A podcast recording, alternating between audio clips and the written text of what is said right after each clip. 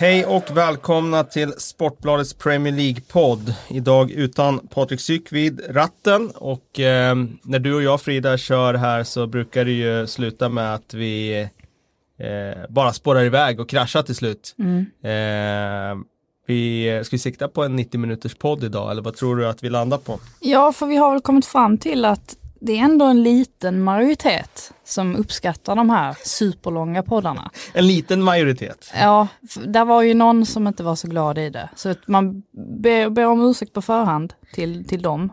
Och sen så eh, tror jag nog att de flesta andra är, är nöjda. Är nöjda. Ja, vi, jag tycker att vi, vi kör helt enkelt så får vi se var vi, var vi hamnar någonstans. Men jag tänkte att vi skulle börja i eh, Champions League. Det som är allra färskast på näthinnan och faktiskt inte med något i, i Premier League utan eh, snacka det här underbara Ajax. Hur eh, förtjust har man blivit i, i Ajax? Jag ser ju Ajax som, som mitt lag. Din, ba- den, din baby.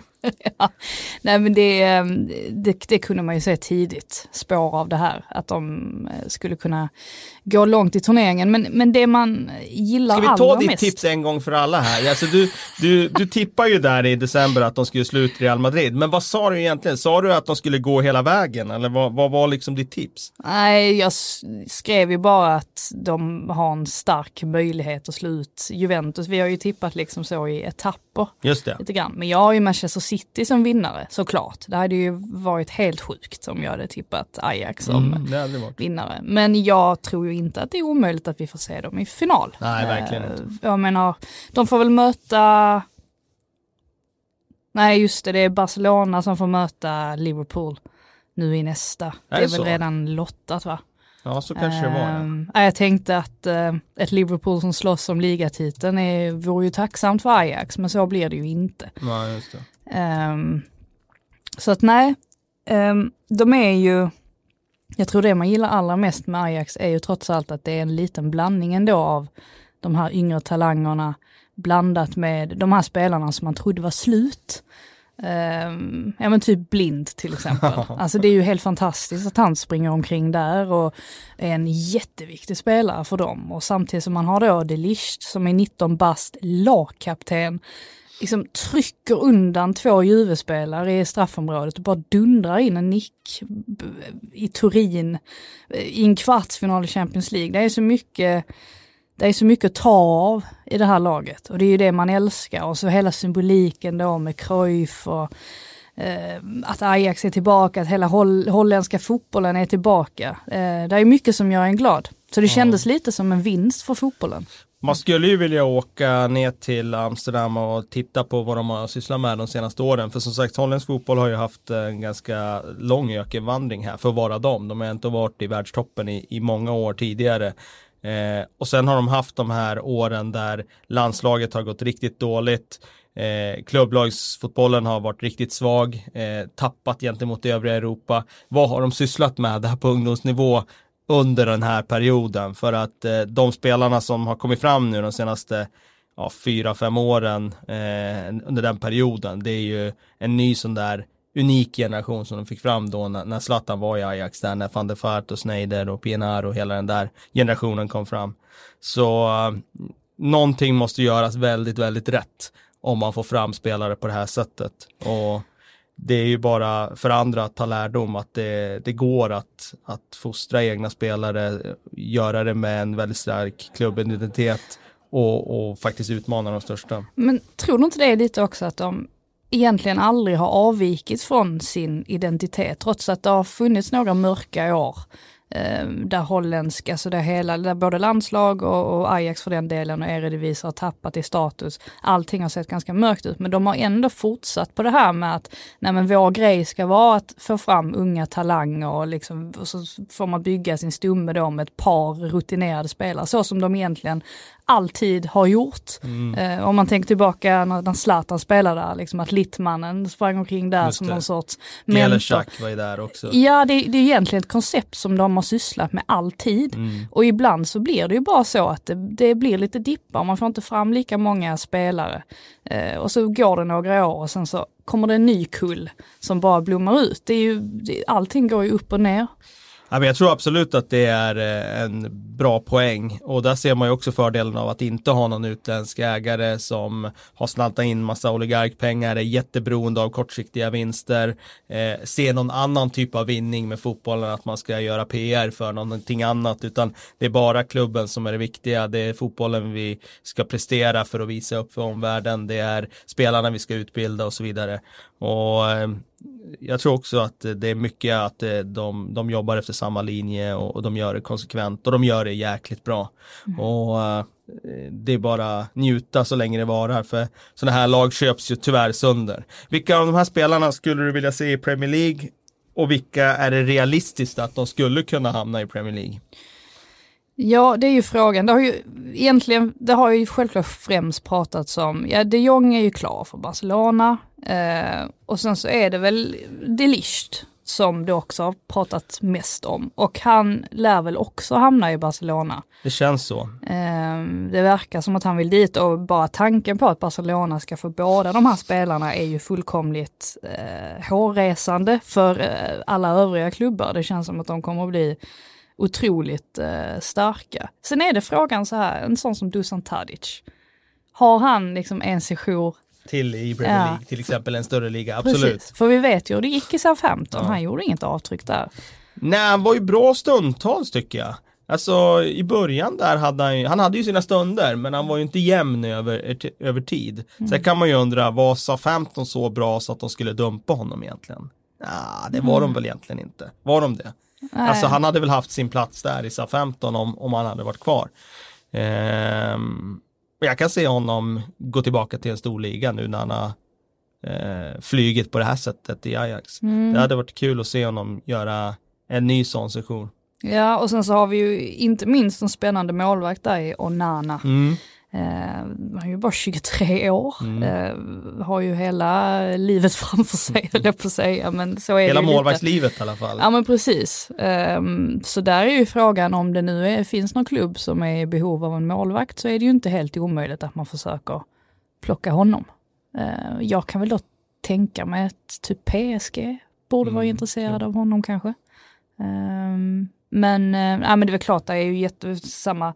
Donny van de Beek, coolaste namnet kanske i, mm -hmm. i fotbolls-Europa, eh, som gjorde mål eh, nu igår också. Så det är ju det är mycket att ta av. Ja. ja, vi får se helt enkelt. Ett som är säkert är att de kommer att spela semifinal första gången sedan 1990 sex va? Mm. Och, eh, det var inte ens det Licht född. Nej, precis. Och bara den typen av eh, liksom, eh, historier är ju alltid kittlande. Och det är dessutom eh, eh, en ganska bra eh, chans att gå hela vägen om man tänker på att det är inget Real Madrid kvar, det är inget Juventus kvar, det har de själva sett till. Och Manchester City visserligen väldigt, väldigt bra, men de har inte varit så här långt fram i den här turneringen tidigare. Och sen har vi Barcelona som faktiskt tycker jag blandar och ger lite grann. Mm. Nu fick de en ganska enkel resa igår mot Manchester United.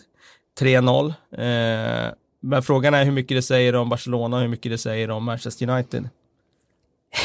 Ja, det, är ju lite kul det här att Ajax och Manchester United möttes på Friends Arena för inte så länge sedan i en Europa League-final. Och då tyckte man att Manchester United var klart numret större än vad Ajax var. Hade de två mötts idag, eh, ja, det hade ju blivit jämnare om man säger så, jämfört med för bara ett par år sedan då.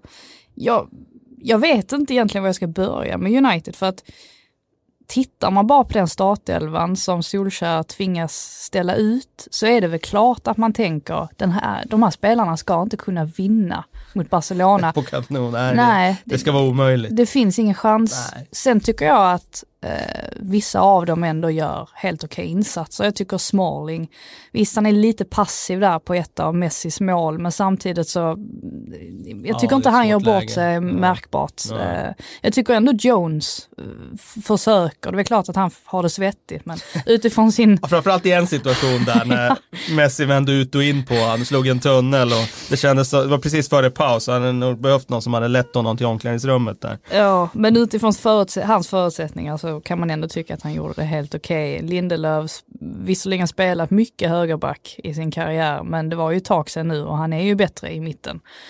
Han gjorde inte heller bort sig Nej. egentligen. Eh, Varken, varken eller. de Eh, gjorde väl vad de kunde egentligen där bak tycker jag. Eh, Mm. Problemet tycker jag är längre fram i planen. Alltså om man tittar på eh, mittfält och eh, offensiv så, så det är inte i närheten av Europatoppen.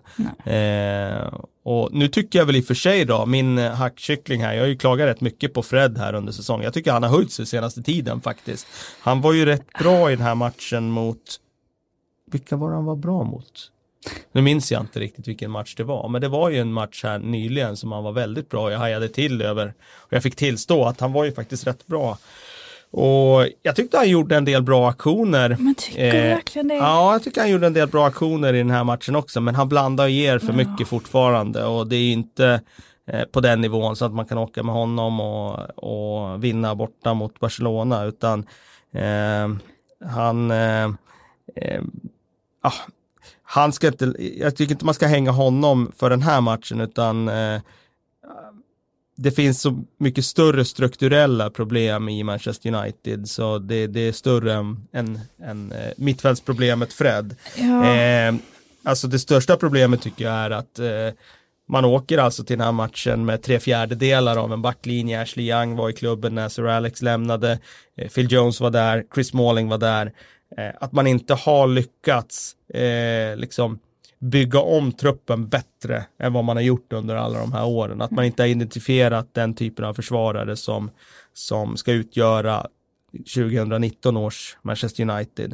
Eh, det är ett jätteproblem. Det är ett jätteproblem att eh, man inte har egentligen eh, investerat i truppen på det sättet som man borde ha gjort, det vill säga man har köpt PR-spelare, man har köpt, eh, lagt stora pengar på eh, enskilda spelare för att andra klubbar inte ska få dem. Då tänker jag på Alexis Sanchez snarare än att titta på vad behöver laget, vad behöver klubben, vad, vad finns det potential någonstans? Vad finns det för spelare som går att utveckla? Det är väldigt intressant, vi börjar ju med det där med Europa League-finalen, Manchester United mot Ajax. Eh, om man dessutom då tar in hur mycket klubbarna investerat under de här två år som har gått sedan den Europa League-finalen i övergångssummor och löner så kan man lugnt säga att Ajax har ju uppenbarligen en betydligt bättre verksamhet än vad Manchester United har. Och det borde man eh, åtgärda. Om det går att göra när, så länge Ed Woodward är vd, det vet jag inte. För att jag vet inte om han är kapabel till den delen av verksamheten. Han känns som en väldigt duktig marknadschef och han ska knyta den typen av eh, avtal. Men är han tillräckligt eh, bra för att kunna ansvara för hela verksamheten och det sportsliga? Nej, förmodligen inte. Och där måste det in den där nyckelpersonen som vi har pratat om tidigare, en klubbdirektör, en sportchef som, som har eh, som bottnar mer i det sportsliga. Mm, jag gick ju väldigt hårt åt Ashley Young på Twitter. Eh, sådär som man kan göra när man blir frustrerad och eh, liksom känner eh, extremt mycket dåliga känslor på en och samma gång. Han var ju, sett över det här dubbelmötet, det blev så tydligt att han har gjort sitt. Jag tror till och med att Daily Mirror skrev det i sina betyg, att det här kan ha varit det sista han gör i sin karriär i United. Ja. Eh, eller att det här, det här signalerade att det är över. Ja. Och det är väl lite så man känner. Och Valencia vet vi redan, det är över för honom. Eh, Young, det är över. Och så står man där och visst man har Dalot, eh, absolut. Som är väldigt svag defensivt men har visat Ja. sig vara bra offensivt. Ja, men i övrigt, vad, vad har man mer? Alltså det är därför jag inte känner att man kan lasta, det är många som är liksom, ehm, många som är snabba med att och ge sig på Solskär och sådär bara, kolla han är inte en så bra tränare i, i alla fall. Men jag menar rent taktiskt, första kvarten Ja. där, United är ju riktigt, riktigt bra. Ja, de. Och de ser ju igenom Barcelona totalt. Ja, jag håller helt med dig. Eh, Man kan absolut inte lasta Solskär för gårdagen. Alltså första kvarten så ska de ju leda med 1-0. De kan med lite tur leda med 2-0. Eh, McTominay är ju fri om han bara tar mottagningen efter en och en halv minut och då har Rashford redan haft sitt ribbskott. Eh, så jag tyckte de spelade på det sättet de ska, att liksom tackla utmaningen och det, jag ser inga problem i matchplanen och så här, utan det är bara det att kvaliteten räcker inte till. Mm. Och det är klart, har du Ashley Young som ger bort bollen på det där sättet. Till... Han får ju fyra möjligheter. Får... Fyra möjligheter att spela eh, liksom Ja, det fanns många, många alternativ han hade kunnat valt som inte var det där. Och det, vad ska Solskär göra åt det? Mm. Alltså, han har ju de spelarna han har och eh, det, det är ingenting du kan göra åt det. Och sen andra målet, ja, det, det är klart att det sker ska ta den alla dagar i veckan och där kan man väl också understryka att han har ju faktiskt tappat nu sin eh, plats som eh, världens bästa målvakt under mm. den senaste halvårsperioden. Han är inte det längre. Jag skulle faktiskt vilja eh, lyfta fram eh, målvakten på andra sidan mm, planen. Jag tycker nog att Mark-André Terstegen är världens bästa målvakt i, i dagsläget. Fenomenala fötter som ja, knappt går att hitta någon motsvarighet för. Visst, Ederson har ju bättre tillslag, han kommer längre och han är kanske flackare när han slår den längre bollen. Men just att Terstegen har två fötter, att han har både höger och vänster som är så otroligt eh, liksom precisionssäkra, det, det ser jag som unikt just nu i fotbollsvärlden. Och han är dessutom rätt bra på att rädda bollar. Han gjorde ju en ganska svettig räddning där på Sanchez nick i slutminuterna. Mm. Så att, eh, ja, de Gea har abdikerat i min bok. Eh, för mig är Ter Stegen nummer ett. Ja, jag håller med. Eh, och sen blir det ju sådär 1-0, eh, att man får det emot sig, det, det, är väl klart att ja, det är jobbigt men det är ändå överkomligt. Det finns ändå en liten, liten chans. Men när de Gea gör den målvaktstavlan, då är det ju slut. Ja, alltså, då, då, då, är det igenspikat. Och sen att Coutinho, liksom, han får ett läge egentligen i matchen och drar till på det där viset, det är ju helt sanslöst också. Vilken kvalitet de besitter. Och det är ändå en spelare som har fått så mycket skit egentligen under säsongen och som har ansetts inte hålla riktigt, eller inte hittat rätt i Barcelona och ändå gör han på det sättet. Så att, nej, ingen kul kväll för Uniteds del. Men ganska sätt. väntat. Vad måste till nu då framöver om vi tittar mot sommaren här nu då? För Ole Gunnar har förlängt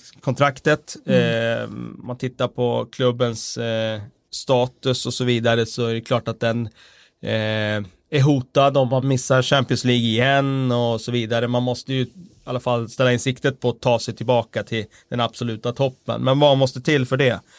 Som jag ser det är det ju en ganska rejäl eh, investering i truppen som, mm. som man måste göra och det måste städas ut den här eh, ja, eh, Deadwood som man säger borta i England. Eh, om man tittar på försvaret så sådana här som Valencia, Ashley Young, det ska inte ens vara någon, någon tvekan. Nu kommer ju Ander Herrera skriva på för PSG om han inte redan har gjort det.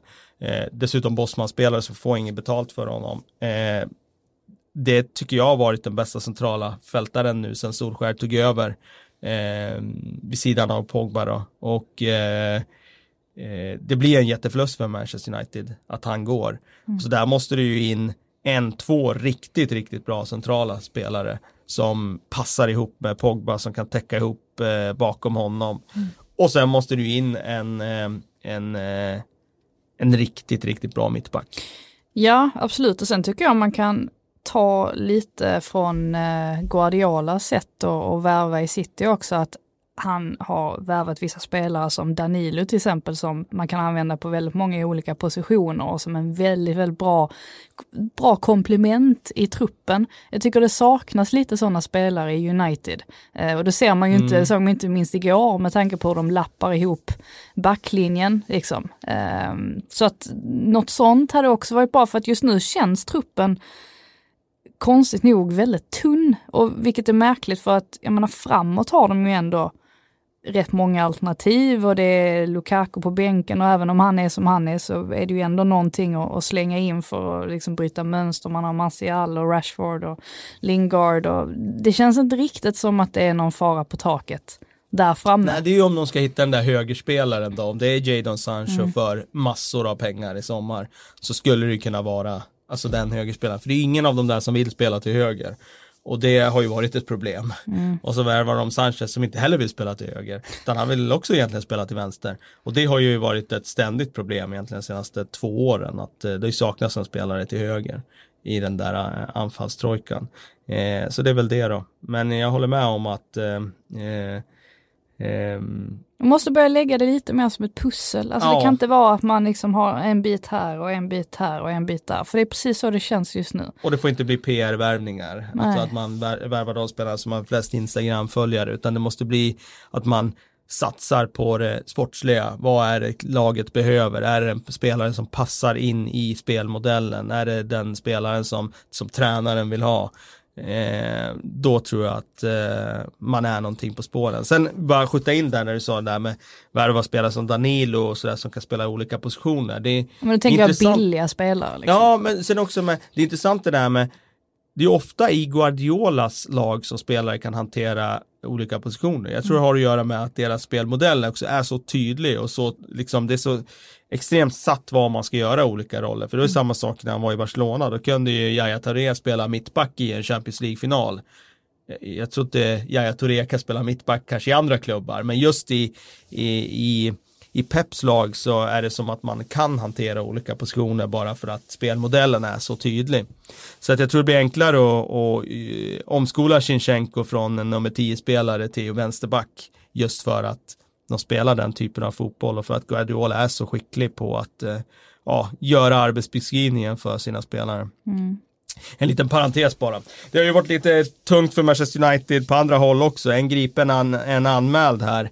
Eh, Min eh, gamla favorit Paul Scholes i, i blåsväder bland annat. Var, eh, det kanske inte är någon slump när, eh, när det går tungt på planen att det blåser utanför också. Nej, det är väl inte det. Det är ju för er som har Du kan ju missat. berätta, ja, precis, berätta lite mer om. Så är det ju, eh, Paul Scholes han ska enligt Fifa, eller Fifa, enligt FA. FA, ha lagt eh, 140 spel på olika fotbollsmatcher. Eh, eller på samma, jag vet inte. 140 spel i alla Ja, på fall. olika fo- fotbollsmatcher. Men det ska ju Eh. sägas där att det är ju inte på egna matcher och inte på... Eh, Det, det kanske har kommit fram nu, för det framgick inte riktigt i de första. Nej, det, det, det framgick i den artikeln jag läste i så sent som eh, tio minuter innan vi gick in i studion. Ah, att okej. Det är alltså så att de eh, gjorde hårdare regler 2014. Så är man involverad i fotboll och som han då, ägare av Salford, del av ligasystemet, då får man inte spela på några matcher överhuvudtaget. Vilket jag tycker är väldigt, väldigt hårda regler. Men det kanske är det som måste till för att man ska få bort allt som har med matchfixning och sånt där att göra. Jag kan tycka att det är okej, de tjänar så bra pengar ändå så de behöver inte spela. Eh, men det är väldigt hårda regler eh, borta i England. Det är ju eh, ganska många som har eh, fallit, eh, fallit offer för det här tänkte jag säga, men som har, eh, som har bettat olovligt. Joey Barton har väl, Ja, är väl en av dem som har blivit, blivit fast för det här och avstängd och grejer. Um, men precis, han äger ju 10 procentandelar i Salford fortfarande. Um, han lämnade ju jobbet, han var vd ett tag uh, också, men lämnade ju det uh, uppdraget när han uh, tog över Oldham som han stannade i 31 dagar. Um, Så att vi får väl se om han kan ju fortfarande eh, överklaga det här eller lämna sin version. Eh, Men det verkar väl eh, ganska troligt att han blir fälld för det här. Sen vad det innebär, det, det får vi Jag tror inte se. att det kanske är jättehårt straff eftersom han inte har spelat på egna matcher och så vidare.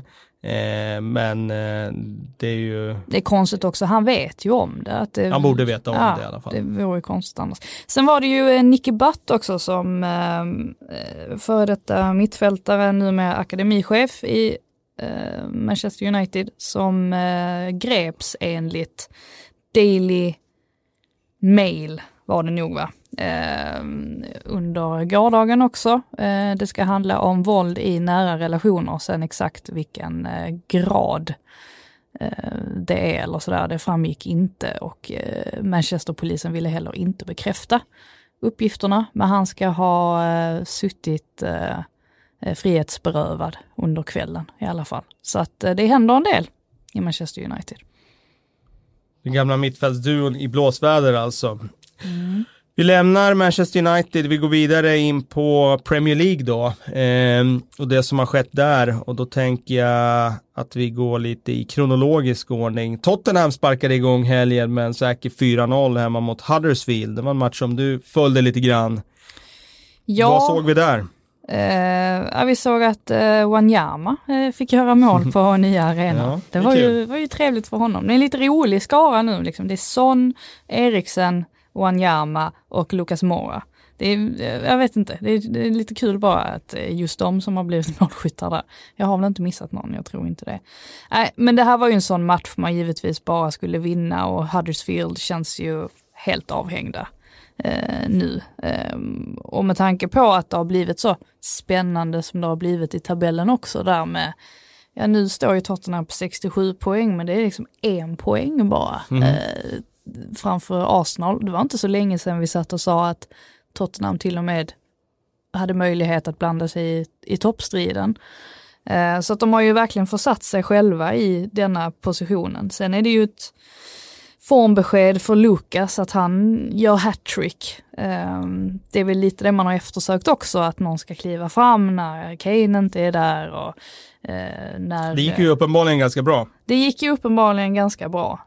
Um, så att, ja jag menar en, en frontduo där med Jorente och, och Lukas. Det, ja, man kan ju säga vad man vill, vill om det. Uh, men uh, den här gången gick det, gick det vägen. och de har ju ett väldigt uh, ypperligt läge där också idag mot uh, Manchester City och faktiskt ta sig vidare i, i Champions League också. Så att den här uh, säsongen ser ändå ut. Det var en tacksam match de fick med Huddersfield hemma med tanke på att det blev lite, ja, eh, såklart osäkerhet när Kane blir skadad och så vidare. Det var en bra match att få igång en anfallsduo på som ska gå in och ersätta nu då. Nu var ju dessutom eh, Pochettino så iskall så han eh, villade ju John Minson och eh, skickade in honom från bänken så de startade med Llorente och Mora och Mora gör ett hattrick så att eh, jag tror att han ändå lugnade en hel del av eh, Spurs-fansen med, med sin insats. Det är intressant med Mora också att han startade säsongen otroligt bra. Eh, var ju faktiskt en av ligans allra bästa spelare första månaden där. Men har väl eh, eh, haft lite tungt här nu då med, med, med målproduktionen och skador och så vidare under eh, vintern. Mm, det var väl när Son var borta också va, som han liksom fick, han fick chansen där i början. Eh, och, och tog ju den verkligen. Men precis som du säger så har han försvunnit lite. Men det är ju exakt det, är exakt det här de, de behöver och Tottenham är ju så beroende av en Eriksen också som, som är liksom, ja, i, som är lite slagfärdig sådär. Um, men jag återigen så slås man ju av det där att man har ganska höga förväntningar, eller sitter och har det på Tottenham nu för tiden. När de trots allt med så oerhört små medel som de ändå har lyckas göra väldigt, väldigt mycket och Pochettino lyckas ju få ut väldigt, väldigt mycket av den här truppen.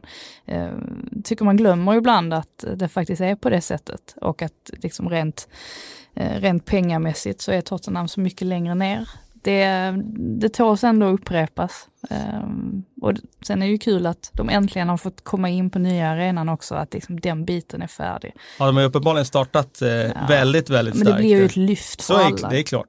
Och man är ju väldigt angelägen om att göra det till sin egen hemmaborg och mm. liksom, så länge den där sviten kan leva så är det ju väldigt, eh, väldigt trevligt. Mm, verkligen. Eh, ett lag som inte har eh, upplevt en lika eh, gemytlig period är Brighton. 0-5 hemma mot Bournemouth och eh, Knocka utvisad i andra halvlek. Och efter det, ja men jag tänkte göra en Patrik Syk där och verkligen gå in för uttalet av, av hans efternamn där.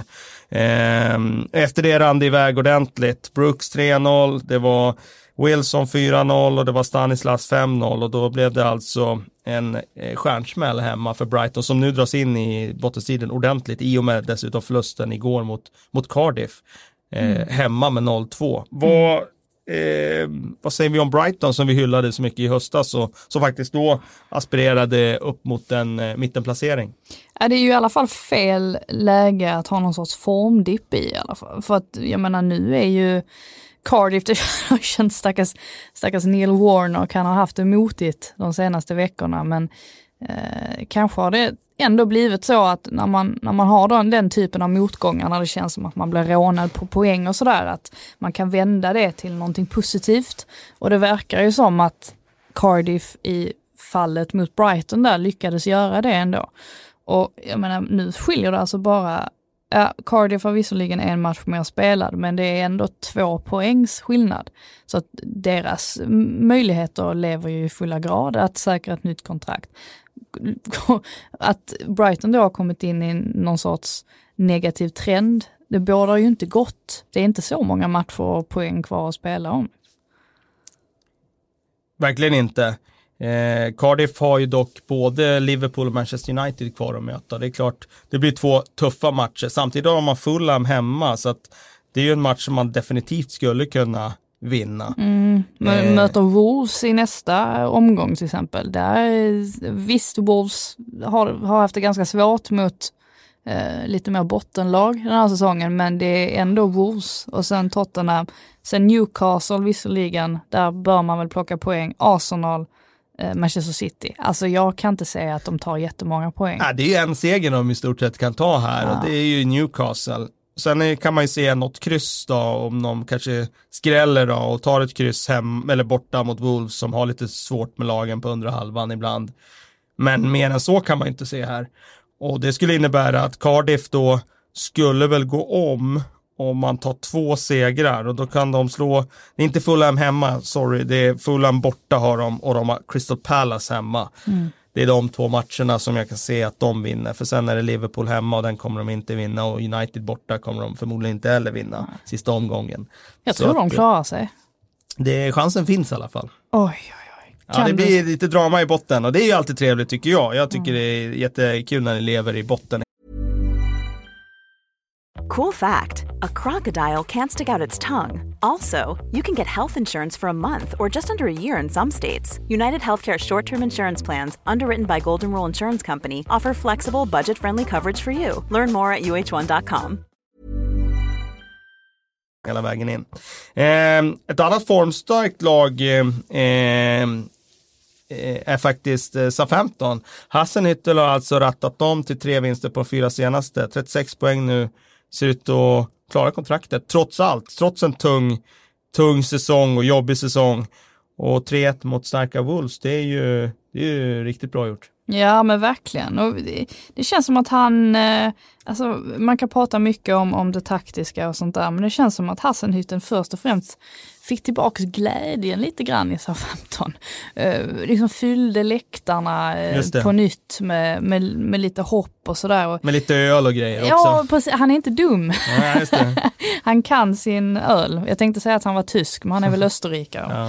Eh, nej men att han, och sen, för att rent spelarmaterialsmässigt så är det ju väldigt mycket intressant i Southampton. Alltså ta en sån som Ward Prowse som eh, har haft en fin säsong och eh, som liksom står för det här lite nya, spännande. Och så Nathan Redmond med liksom den rutinen som han har. Och, ja, men det är inget dåligt lag. Nej, jag tyckte de gjorde en väldigt bra match mot Liverpool också här. Mm. Slarvade bort det lite på en defensiv omställning när de eh, ja, slarvade jättemycket. Eh, och Salah fick springa in med ett mål där. Mm. Men jag tyckte de gjorde en jättebra match då också. Så där, de är i bra form alltså. Det jag, nu kan jag inte se dem rasa ut. Jag tippade ju att de skulle få svårt och att de skulle bli indraget i botten. Och det har de ju i och för sig varit. Men nu ser det ut som att de kommer greja det här. Eh, Mm. Av allt att döma. Och det är jag ändå glad för. Så 15 hör hemma i Premier League tycker jag. Jag är ju väldigt eh, förtjust i Pierre eh, Höjbjerg också. Eh, den unge dansken, 23 år är han väl, 95 eh, Som har varit eh, jättefin också eh, hela säsongen. Det kän, där känns det som att det kan bli en annan klubb för honom så småningom, eh, men vi får väl se.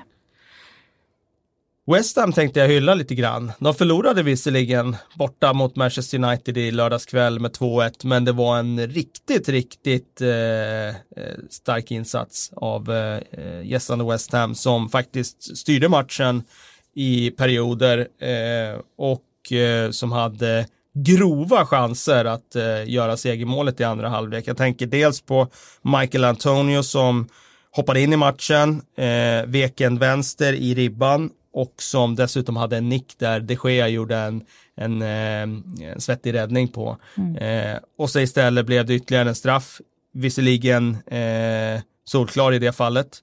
Eh, och Manchester United eh, kunde vinna, men eh, West Ham gjorde eh, allt man kunde kräva av dem.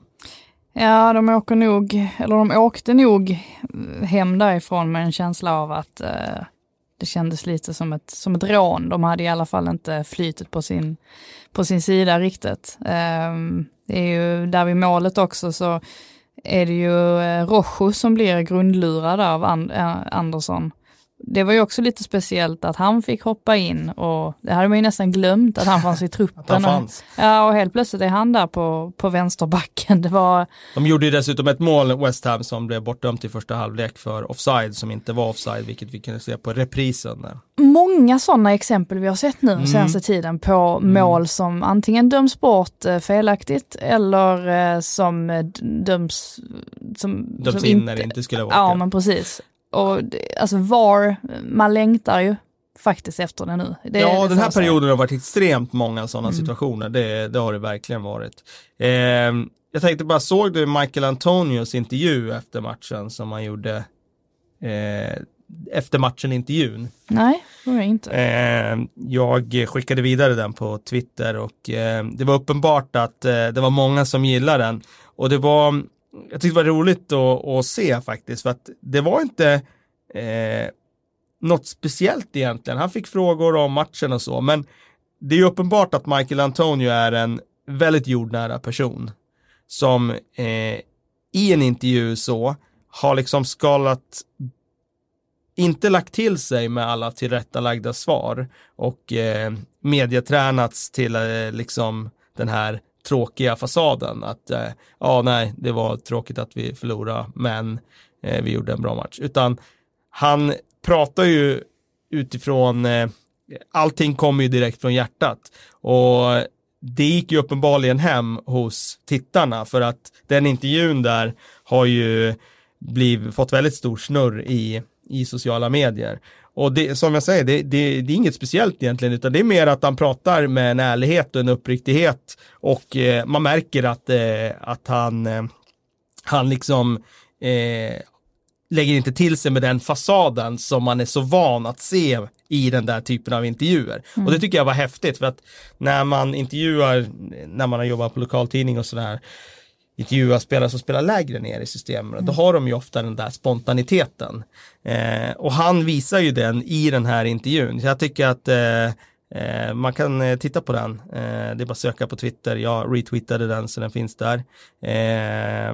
Och eh, då tror jag också att man, eh, när man ser den intervjun så tror jag man får ett gott öga till Michael Antonio. Det verkar vara en riktigt mm. skön kille.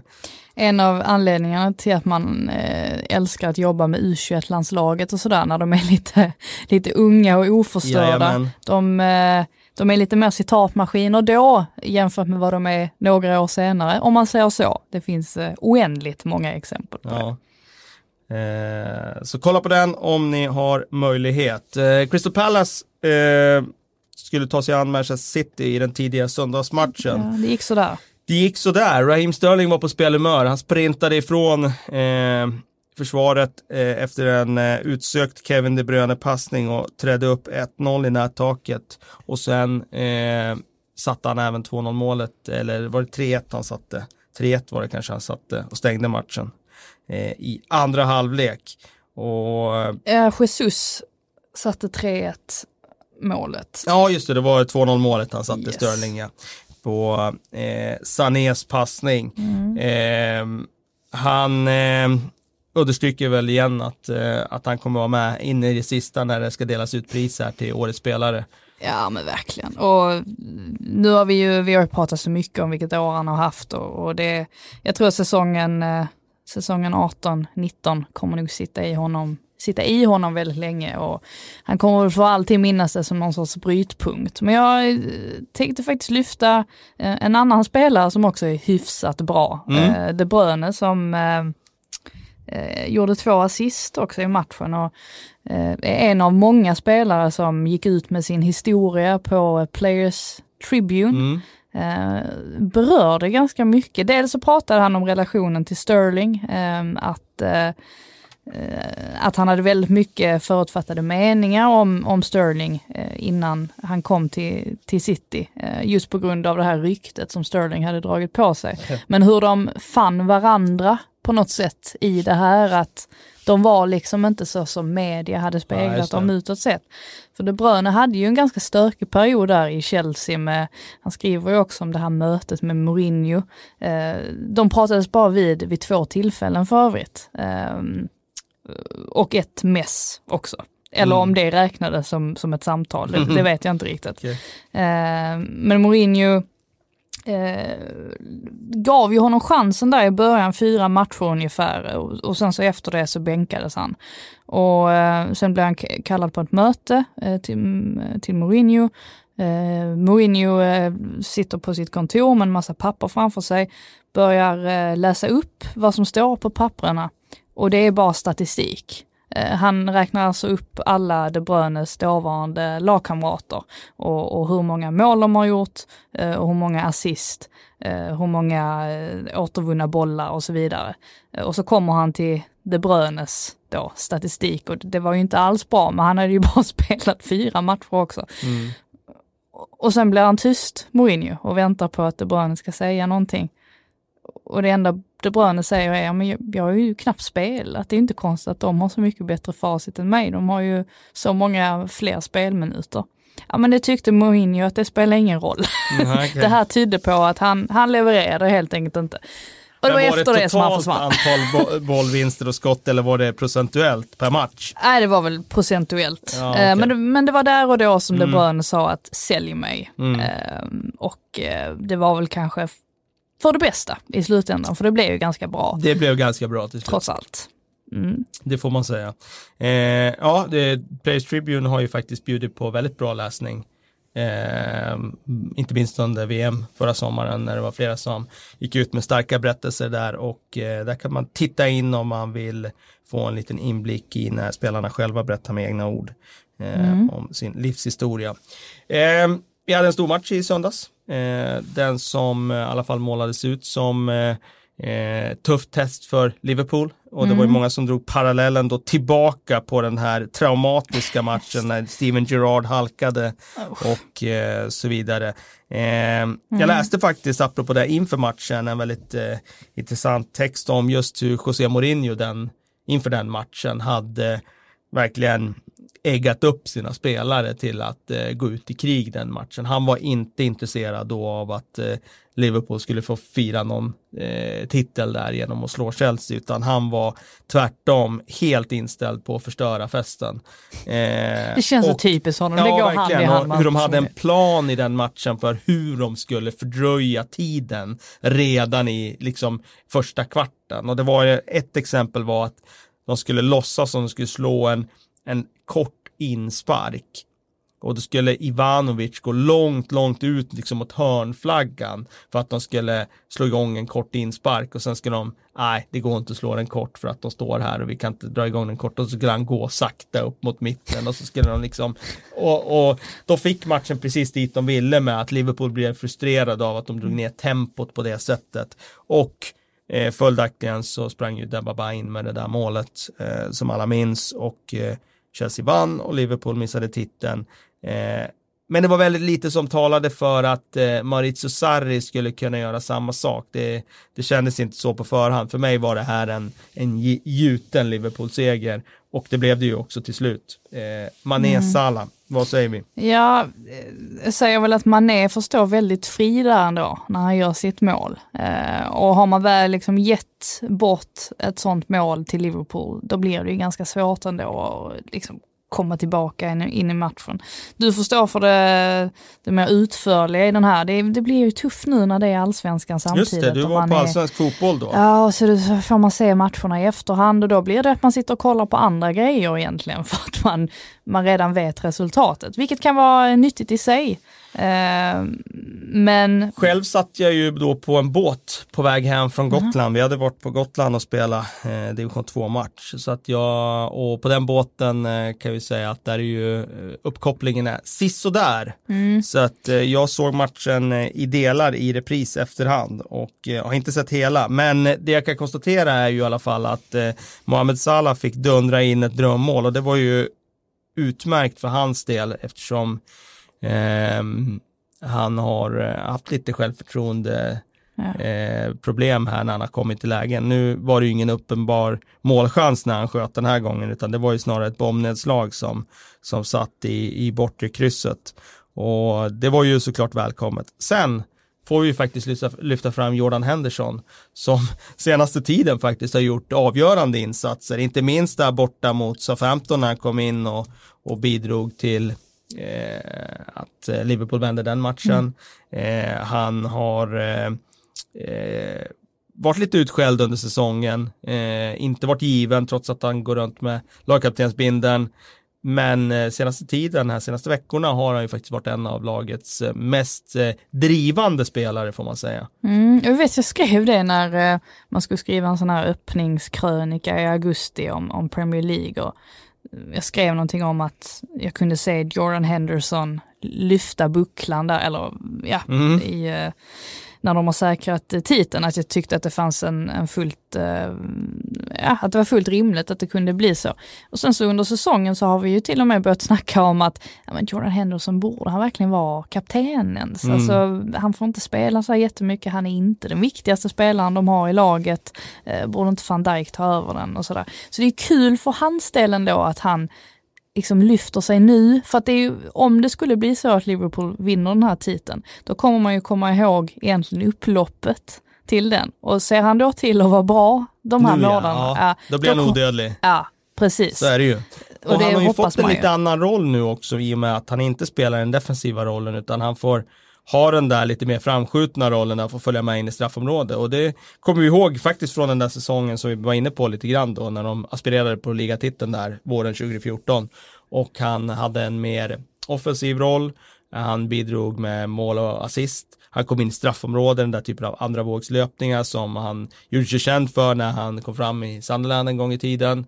Och eh, jag tycker faktiskt man ser nu att eh, han är en så mycket bättre spelare. Det är det som är hans liksom, bästa position. Sen är det klart att det kanske inte är den bästa positionen i Liverpool för honom. Men om man bara ska maximera hans egenskaper så tror jag att det är det bästa sättet att få ut mest av Jordan Henderson. Att han får följa med in i straffområdet och mm. göra offensiva aktioner. Och eh, det var ju det han gjorde nu när han lyfte in bollen bland annat till Mané. Mm, jag satt och kollade väldigt mycket på Fabinho eh, när jag kollade på de extended highlightsen eh, och, och tänkte på också hur viktigt det är att man Eh, slussar in spelare eh, så att de hinner acklimatisera sig. För det var återigen inte så länge sedan man satt och sa att Fabinho, eh, det där var nog inget bra köp och eh, han verkade vara en, eh, lite av en bluff rent ut sagt att han inte hade de nivåerna i sig som man kanske trodde. Eh, men jag menar nu med facit i hand så det, det, var ju en extremt bra värvning. Extremt liksom välplanerat också av Liverpool att plocka honom så tidigt innan någon annan han göra det. De har fått ut extremt mycket av honom.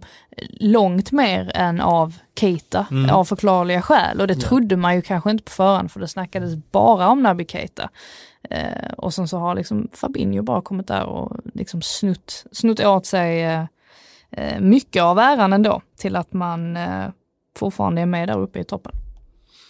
Eh, och man leder ligan. En match mer spelad än Manchester City, men eh, vi, eh, ja, du och jag vet ju hur det här kommer sluta. vi har ju slagit fast det från början. Jag har inte vikt en tum från det Nej. på hela året och det har inte du heller gjort. Det kan man inte göra. Så att jag känner mig ganska trygg i, i att det på något sätt kommer att bli så till slut. Men blir det då så att det är Manchester United, antagonisten Manchester United som ser till så att Liverpool får lyfta den här titeln. Svårt, svårt läge för United-supportrarna också för att... Men de kan eh, inte jubla åt något håll direkt. Nej, det är väl klart att man vill eh, vinna Pest eller? Ja.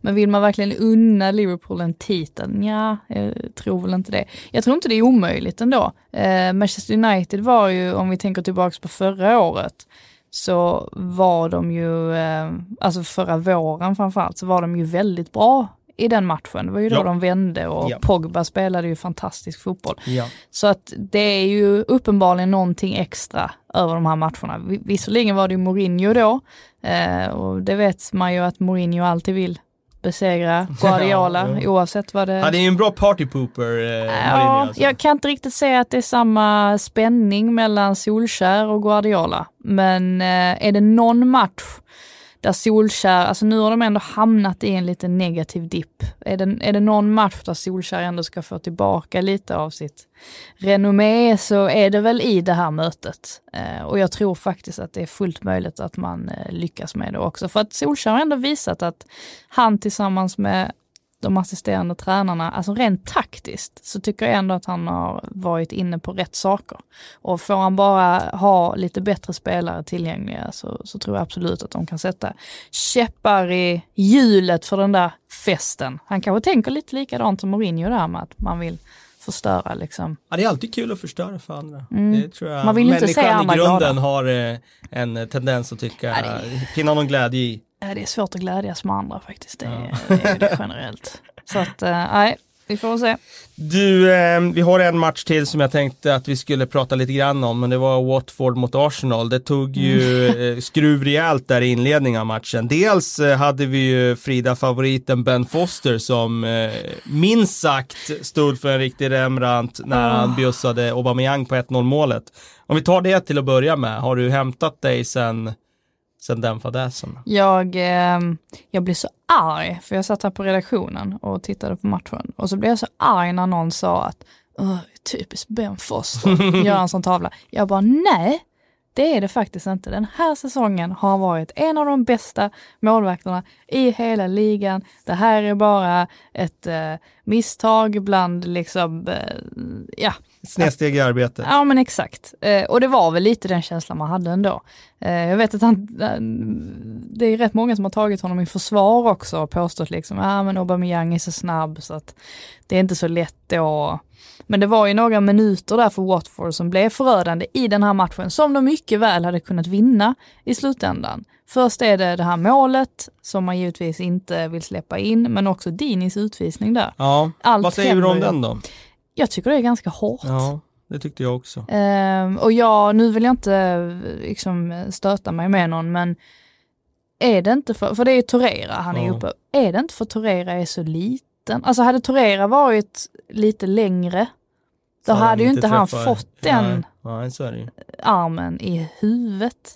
Alltså ska han ta hänsyn till att, ska Dini ta hänsyn till att Torera är så pass mycket kortare än honom? Ja det ska han kanske. Jag, jag, jag, jag tyckte att det var Man har hårt. ju ett ansvar såklart vad man träffar med olika saker. Eh, och om spelar kort så kan du inte sparka han i huvudet och säga att men han var kort. Nej. Utan, eh, men, men, men jag tycker inte att det är, det ser inte ut att vara med meningen Nej, på det jag- sättet. Eh, och jag tycker inte heller att de träffar så hårt så det ska vara rött. Sen är det klart, om man tar en frispark på det, det är ingen som kommer säga någonting. Tar han ett gult kort, det kommer inte bli någon debatt för det heller. Nej, Men rött är väldigt hårt i det läget tycker jag. Och det är klart att det påverkar matchen oerhört mycket. Men Watford gör ju ändå en väldigt bra insats Mm, i, de. i den matchen. Och eh, eh, skulle ju faktiskt kunna kvittera med lite tur. Ja, alltså som sagt, jag tror att de flesta Arsenal-supportrar håller med mig om att den där matchen, där tar man i princip bara med sig tre poäng och så försöker man glömma och gå vidare för att något skön lir var det ju knappast för, från Arsenals sida. Eh, måste bara lyfta också att Mavropanos ju startade, som Ja, jag har tjatat om i, Precis, en annan Frida-favorit. Ja. Vad säger vi om det? Bara, det? bara en sån sak. det är över ett år. Jag har tjatat om honom. Ja. För han kom ju förra januari. Ja. Ja, det har gått lång tid. Det var någon som frågade här i frågehögen om han är nya Tony Adams. Vad, vad tror vi om det? Han hade ju ganska stora bekymmer där med Gray ett tag. Eh, men eh, tyckte väl överlag att han skötte sig helt okej. Som sagt, det var ju ingen match där någon Arsenal-spelare kanske kliver iväg och bara känner att shit, vilken minnesvärd match jag precis har gjort. Men ja, han var inte sämre än någon annan. Han var inte sämre än Mustafi. Det är alltid, eh, det är alltid något i alla fall. Det enda jag kommer att eh, tillägga kring den här matchen, det är en tweet av eh, försvar, eller, mm, Christian Kabasele, försvararen mittfältaren, eh, som är en riktig klasstweet. Jag, jag kommer inte förklara mer av den. Man måste, den, den måste ses med egna ögon. Jag kommer inte gå in i detaljer utan gå in på Twitter och kolla upp Christian Kabaseles eh, feed så kommer ni hitta eh, en tweet där han skrev vi försökte med allt. Ja. Och eh, sen är det en bild som är ganska talande för det. Eh, vi lämnar det och eh, eh, konstaterar att vi har gått igenom omgången. Eh, vi har ju en ganska eh, diger fråge, frågehög här. Så att vi har inte gått, hunnit gå igenom den hela. Men eh, vi kan väl ta lite på uppstuds här. Vem stod för det största fiaskot i kvartarna? Juve eller Manchester United? Har förloraren av Manchester City och Tottenham också stått till ett för ett fiasko sett till resurser och förväntningar? Um, men det är väl klart att uh, det, det, är ju ett fiasko för Juve såklart. Um, ja, de var favoriter mot Ajax. Eh, Ajax har betydligt mindre resurser än vad de har. Eh, eh, Juve har Cristiano Ronaldo. Alltså det finns ju många anledningar till varför det var ett fiasko. Med det sagt så är det ju fullt möjligt att de faktiskt underskattade Ajax, men det är ju en annan sak. I Manchester Uniteds fall så var det väl egentligen ingen som trodde att de skulle besegra Barcelona, men det finns ju alltid en möjlighet att det ändå händer. Eh, vad var, du får ta andra delen av frågan för jag kommer Har förloraren av Manchester City och Tottenham också stått för ett fiasko sett till resurser och förväntningar? Ja, jag skulle säga att uh, City så är det lite fiaskostämpel om man skulle åka ut mot Tottenham i Champions League. Det, det, vill jag nog påstå. Med den typen av satsning som de har gjort. För Tottenham så tycker jag det är allt att vinna. Det är absolut inget fiasko. Det är trist om de skulle tappa såklart en, en eh, kvart nu när de har ett bra utgångsläge. Men mm. eh, absolut ingen, inget fiasko överhuvudtaget där ska jag nog Nej, vilja slå fast.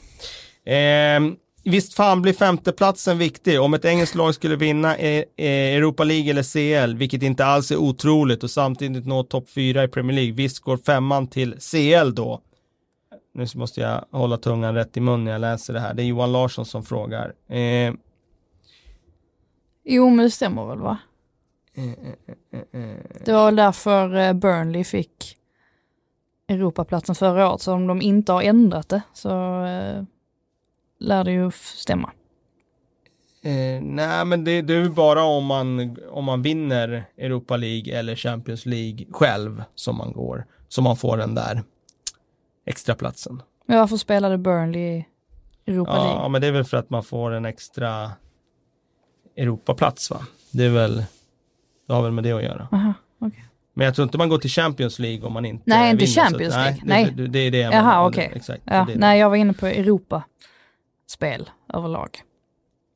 Fem spelar ut och fem spelar in från United frågar William här och vi var väl inne på det. Alltså, ja. Eh, det kommer ju bli något sånt. Eh, det Valencia. blivit svårt att bli av med Alexis Sanchez med den lönen han har, men det kanske finns någon någon köpare där. Valencia kommer försvinna, mm. Herrera försvinner. Eh, Ashley Young försvinner, ja. det kommer definitivt försvinna någon mer. Mm. Och då man Pogba är ju full, fullt möjligt också. Ja, men tror du verkligen att de säljer honom? Jag tror inte att han ökade sina aktier igår i alla fall. Nej, jag tror inte det. Jag tror att de behåller honom. Ja. Även om Mino såklart vill flytta på honom såklart efter varje säsong för att casha in, men jag tror inte att han lyckas med det. Sätt ihop en elva som bäst skulle bygga upp Syks altan. Det tror jag vi får svårt att göra. Oj, ja. Eh, det är så många frågor här så är du helt överväldigad av? Ja, man, eftersom jag inte hann gå igenom frågorna så att säga så ska se här. Mm. Hur ska domarna bli bättre i Premier League? Allt för många farliga tacklingar som inte blir tillräckligt hårt dömda tycker Jean Pascal Stryver här. Ja, alltså först och främst så ger de VAR. Så har vi ju kommit en bit på vägen i alla fall. Vad mm. gäller tuffa tacklingar, ja, alltså det är ju ganska tydligt ändå att i Premier League så är ju lite mer tillåtet än i eh, vissa andra ligor. Um, och det är väl klart att man, eh, att det är viktigt att få bort, få bort sånt. Men jag tror att har de i alla fall VAR och luta sig mot så är det en början på någonting bättre i alla fall. Ja, en eh, intressant eh, grej som har diskuterats tidigare det är ju det där med proffsdomare utifrån från andra länder. Mm. Om man skulle ta in det till England. Jag kan se eh, absolut att eh, världens mest penningstinna liga skulle kunna öppna för att ta in utländska domare som är framstående i Europa.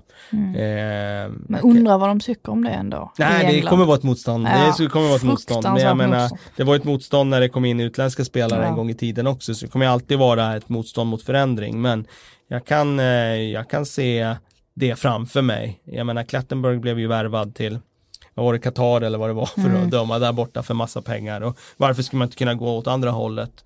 Eh, jag, tror att, eh, jag tror att det skulle vara intressant i Premier League med tanke på att eh, eh jag tycker väl inte domarnivån eh, jag tycker inte de har så många domare idag som håller tillräckligt bra nivå. Jag Nej, tycker jag Michael med. Oliver är bra. De verkar ha Och- svårt att få fram nya domare också för Precis. att det är ganska hög eh, ålder på, eller medelåldern är, är väldigt hög. Och det är ju faktiskt samma problem som man har även här i Sverige, att man, eh, man får inte fram domare längre. Det finns många anledningar till det, men en av dem är faktiskt att det är ganska dålig arbetsmiljö och det är Ja. ganska få som vill utsätta sig för det och stå på en eh, sån stor eh, arena tydligen och, Ja. och döma. Eh, där kan man ju eh, få sig en, en tankeställare också, att eh, de har inte det speciellt lätt de här domarna Ja. heller. Eh, så att just att få fram nya är, kan vara problematiskt. Så att det är väl fullt Mm. möjligt att vi ser en, att vi ser eh, en förändring. Joko Bibb eh, undrar här, med 10-talets sista hela säsong snart slut borde ni göra en 10-talets bästa PL11. Mm. Eh, ska vi försöka dra en i huvudet här? Alltså jag vill ju i alla fall ha Agüero. Agüero ska in. Mm, Sterling. Eh, och då petar du Kane då. Men det, det får man nästan göra med tanke på att Agüero har ju varit under flera år. Ja, Eh, Sterling vill ha in. Nej, det kanske är tidigt ja, det är ändå. tidigt tycker jag. Jag skulle säga att Eden Hazard ska in i alla fall på Ja. en vänsterkant. Eh, jag skulle nog kunna se eh, ja, vi ska bara ha en forward också. Usch, eh, Gerard måste väl in eller? Ja, det ska han väl kanske. Trots att han slutade. David Silva ska ju in. Mm. Eh, jag kan ju se, det sker i mål i alla fall. Mm. Jag kan se Kyle Walker kanske högerback. Bra i Tottenham, väldigt bra senaste två Mm. åren i, i City. Alderweireld kanske i... Ja, Backlinjen. varför inte? Van Dijk ska han in på senaste två, tre åren Oj. med Southampton och Liverpool. Då har, oh, då, eh, Han är ju definitivt den högsta, högsta nivån. mm. Eh, och vinner de titeln i år, vilket vi tror, då, då eh, Det är konstigt att inte ta honom då också. Han har ju väldigt hög högsta nivå. Jag kan inte se någon annan under, under 10-talet som har haft en eh, högre, eller varit i närheten av den högsta nivån. För då har ju både Ferdinand och Terry har ju dippat under de åren så att Mm. säga. Nej men det kan jag, det kan jag hålla med om. Att han ska in. Eh, och jag kan väl tycka också under de här åren har det ju varit ganska tunt med mittförsvarare som eh, eh, har eh, eh, Mm. Stått ut. Ja, precis, exakt. Eh, Kyle Walker, jag skulle också kunna ha Branislav Ivanovic som, som högerback. Mm. Eh, han gjorde ju väldigt bra säsonger där mm, tidigare under 10-talet där. Eh, han skulle kunna ses som högerback. Vänsterback, Jag tycker det är så svårt att göra sånt här på uppstuds. ja det, det, Man vill eh, väldigt gärna tänka igenom alla sina... det är inte Alberto Moreno i alla fall, men vi, Vad var vi på nu? Vänsterback? vänsterback. Alltså jag tänker så det knakar. Ja, jag bollar upp. Danny Rose, Luke Shaw, Monreal. ehm, City har väl inte, ja Ashley Cole såklart. Eh, tidigare Ja. då i Chelsea. Det blir Eh, nästan han i brist på... brist på annat. Ja, Ja, skulle kunna vara. Kanté in på mittfältet. ja alltså tycker ju den Leicester... Ändå fått pris Och som bästa Chelsea, spelare i mm. ligan. Mm. mest värdefulla. Eh, ja. Ja det, Alexis Sanchez skulle ju kunna gå in på en, på en kant om man tänker hans Arsenal-år. Ja, det, Eh, bra under många säsonger. det roliga är att hade Mares bara gjort en bra säsong, då Ja, hade ju han också ha varit med, aspirerat på en eh, ab- plats. varit med absolut. Nu faller han väl bort lite då. Salah lite för kort tid va? På toppen. Jag tycker det finns för många alternativ som överskuggar i så fall. De Bruyne ska väl in nästan. Ja. Offensivt mittfält bredvid Silva. Eller har vi någon annan som har varit bättre? Jag kan inte komma på någon sådär på rak arm i alla fall. Inte centralfält. Kanté vill jag ha defensiv och så vill jag ha David Silva och kanske De Bruyne offensiva. Mm. Och sen hade vi Hazard till vänster, vi Agüero längst fram, till höger. Ja, skulle kunna vara skulle kunna vara Sterling också. Han kanske får en överbliven eh, plats där. Ja. Ja, det är tufft. ja, det är tufft. Det är, Det är tufft att dra på, man- på rak arm, Ja, men där ungefär hade vi en elva. Jag tror att det får vara det. Ehm, vi ehm, Det var allt vi hann. Vi eh, hade med mycket, men eh, det var allt vi hann eh, för den här veckan. Nästa vecka räknar jag med att psyket tillbaka i, i sulken. Och att Var är vi, han ens? I eh, Frankrike, just det. Han är i Frankrike och Mm. dricker fina viner. Ja, och öl och skaldjursplatåer, jag vet inte allt. Har det är sett bilder mycket fina middagar där nere i alla fall. Mm. Det eh, kan vi lugnt konstatera. Ja. Men vi tar nya tag med psyk eh, vid ratten nästa vecka. Mm. Tack för denna vecka.